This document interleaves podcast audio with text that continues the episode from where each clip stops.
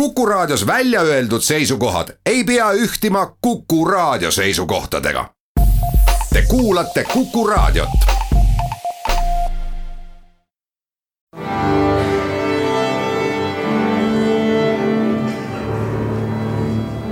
daamid ja härrad, Eesti Kontserdi saade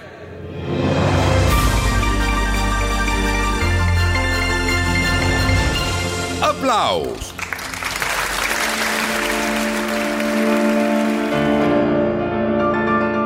tere kõigile, Eesti Kontserdi saade Applaus, mina olen Lauri Aav. Täna tahaks saatega kähku ühele poole saada, sest kontsert, mida teile esimesena soovitaksin, algab loetud tundide pärast Estonia kontserdisaalis ja kui hiljaks jääte, on veel teine võimalus homme Vanemuise kontserdimajas. kontsert sarjast I nagu interpreet ja see I on sedakorda pianist Johan Randvere.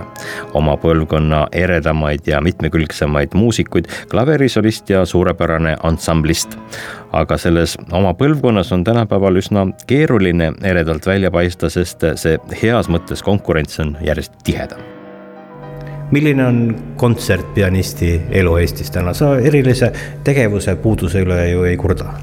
seda küll jah, et mina pean olema ikkagi tänulik ja ma arvan, et kes, kes teeb, sellel, sellel ka on tihtipeale mulle tundub oma äh, lühikese eluea jooksul, et, et selline virisemine kuulub nende hulka, kes, kes ise nii palju ei toimeta.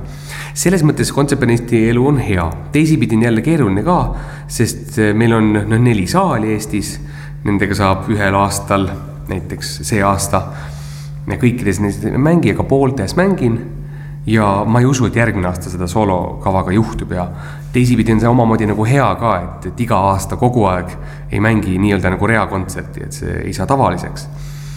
et ses mõttes kontseptionisti elu on mitmekülgne ei oskagi kurta praegu selle üle sul on kontsert Estonia kontserdisaali laval, soolokontsert, no mida, mida rohkemat Eestis. Äh, kontserdi pealkiri on romantiline klaver ja ma vaatan sul siin seda kava, et, et nad ei ole otseselt teosed, mis äh, viitaks äh, romantismi ajastule, et on see siis nüüd otseselt siis nagu romantiline muusika, kaasa arvatud Raudavaara intervallietüüdid ja nii edasi? jah, ma mõtlesin täpselt sama asja peale alguses, kui sellest kontserdikavast üldse juttu oli, aga mina jäin mõtlema sellise asja peale nagu just see klaver ja selles romantilises mõttes. et eh, on see ju üks pill, mis suudab lihtsalt ära täita kaks kontserti poolt, et, et no pianistina, pianistina ma pean ütlema, et, et klaver on eh, kõige parem pill, millega saab ära täita kahte poolt ja üksainukesi pill millega saab soolokontserti ära täita, et selles mõttes ma mängin need selliseid lugusid, mis on nagu üdini klaverilood, et Prokofjevi etüüdid väga pianistlikud, siis Raudavaara, kes oli ise pianist ja tahtiski kirjutada just selliseid noh, rikkalikke mänge, kõlavärvimänge, võtteid just nimelt klaverile. ja samamoodi Tšaikovski sonaat, mis on no kuidagi noh, niivõrd suur teos, iga noh, sõna grande mõttes ka. et ta. see on ju alapealkiri ka jah, just nimelt, et see Tšaikovski suur sonaat või suursugune sonaat, grande sonata. nii et see on selline nagu noh, ongi suure saali teos.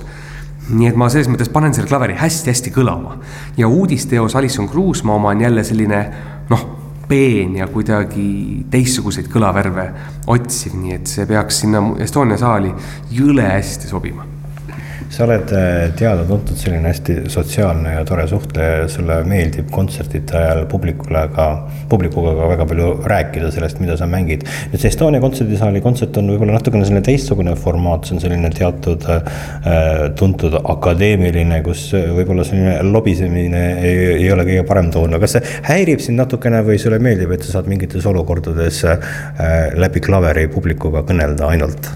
mulle just meeldib see, mulle meeldibki kaks eri maailma. Et kui ma käin, mulle väga meeldib teha koolikontserte, noh, seal on see jutt isegi vaata, et peaaegu kõige tähtsam, et see on nagu muusikaajaloo-tund sellise elava muusikaga, siis mulle meeldib ka, tõesti, mulle selles mõttes meeldib publikuga saada sellist noh, tõelist muusikat ja kaameratunnet, et me olemegi, noh, ongi selline tubane muusika. aga Estonia kontsertsaal on kuidagi noh, minu enda jaoks niivõrd eriline koht või noh, see on ikkagi noh, absoluutne tipp Eestis, siis esindussaal, kes kõik seal mänginud on.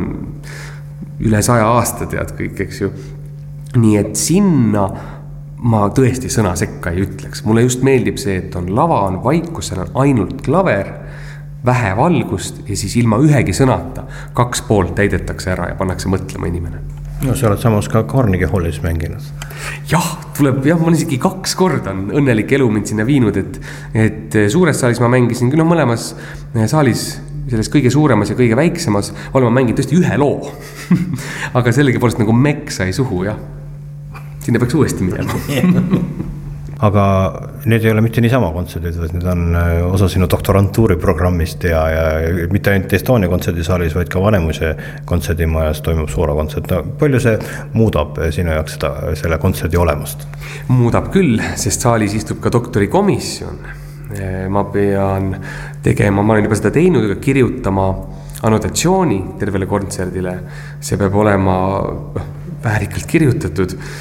Eh, mulle antakse hinne pärast seda, nii et mingis mõttes ma lähen lavale kui juba noh, mingis mõttes kogenud pianist, et ma olen juba andnud soolokontserte ja mul on selle kontserdiga mitte selline, et oh, ma nüüd saan jälle esineda, vaid mul on väga kindel plaan, mida ma tahan teha.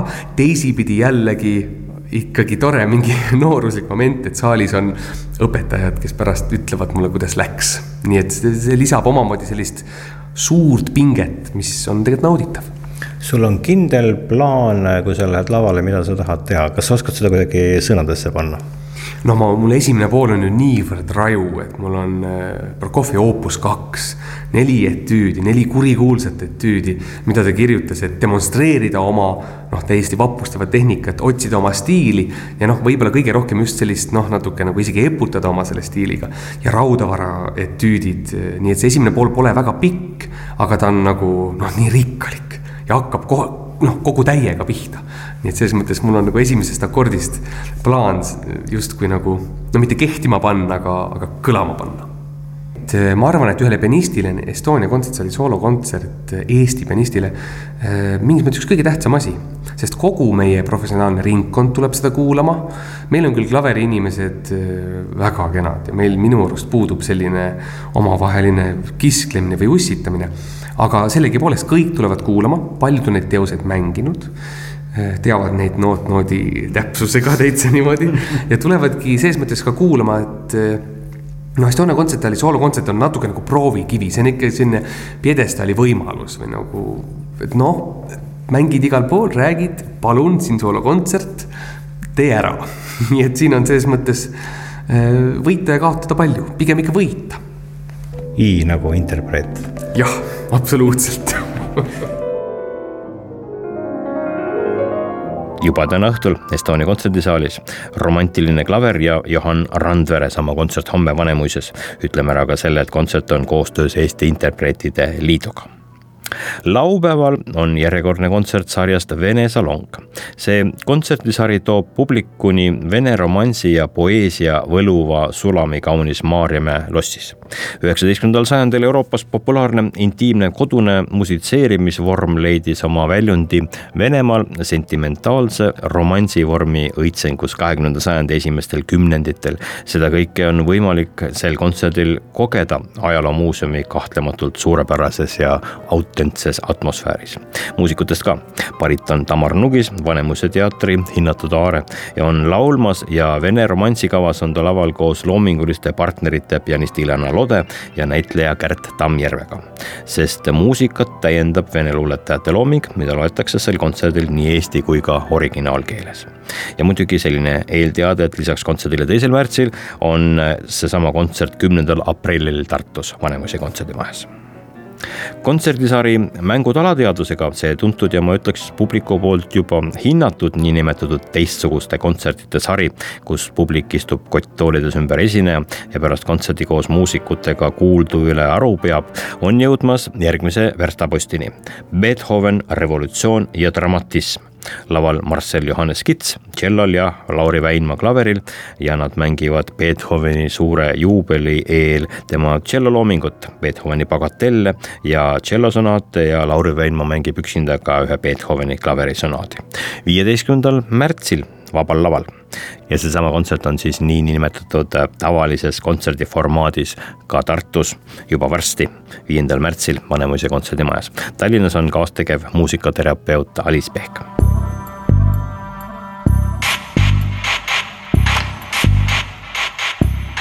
veel üks kontsert, mida on, on keeruline ja ma ütleks isegi ehk mõttetu siin lahti seletada, koha peal selgub kõik palju paremini. seitsmendal märtsil kell üheksateist ja kell kakskümmend üks, kaks kontserti järjest, sõltumatu tantsulaval Telliskivi loomelinnakus sarjast Tehnoloogia ja muusika.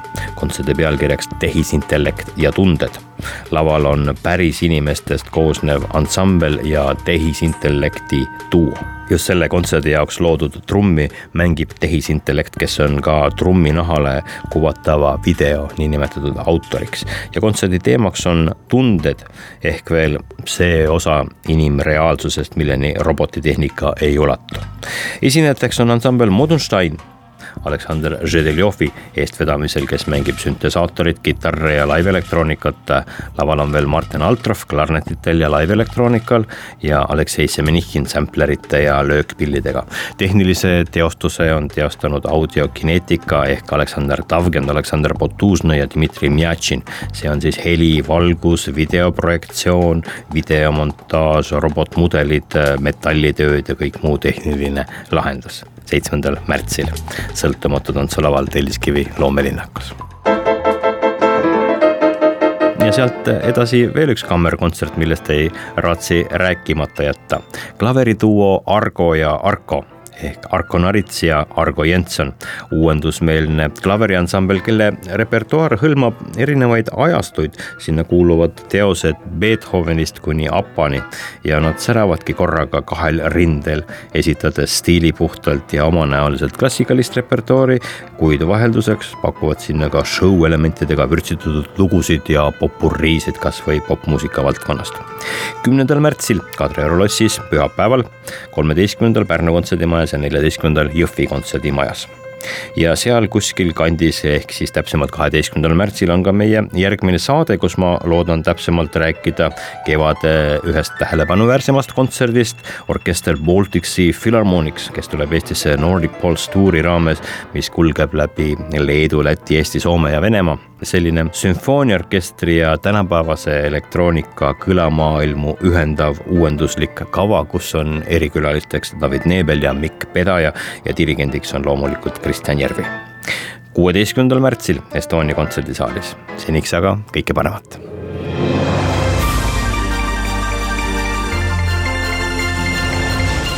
aplaus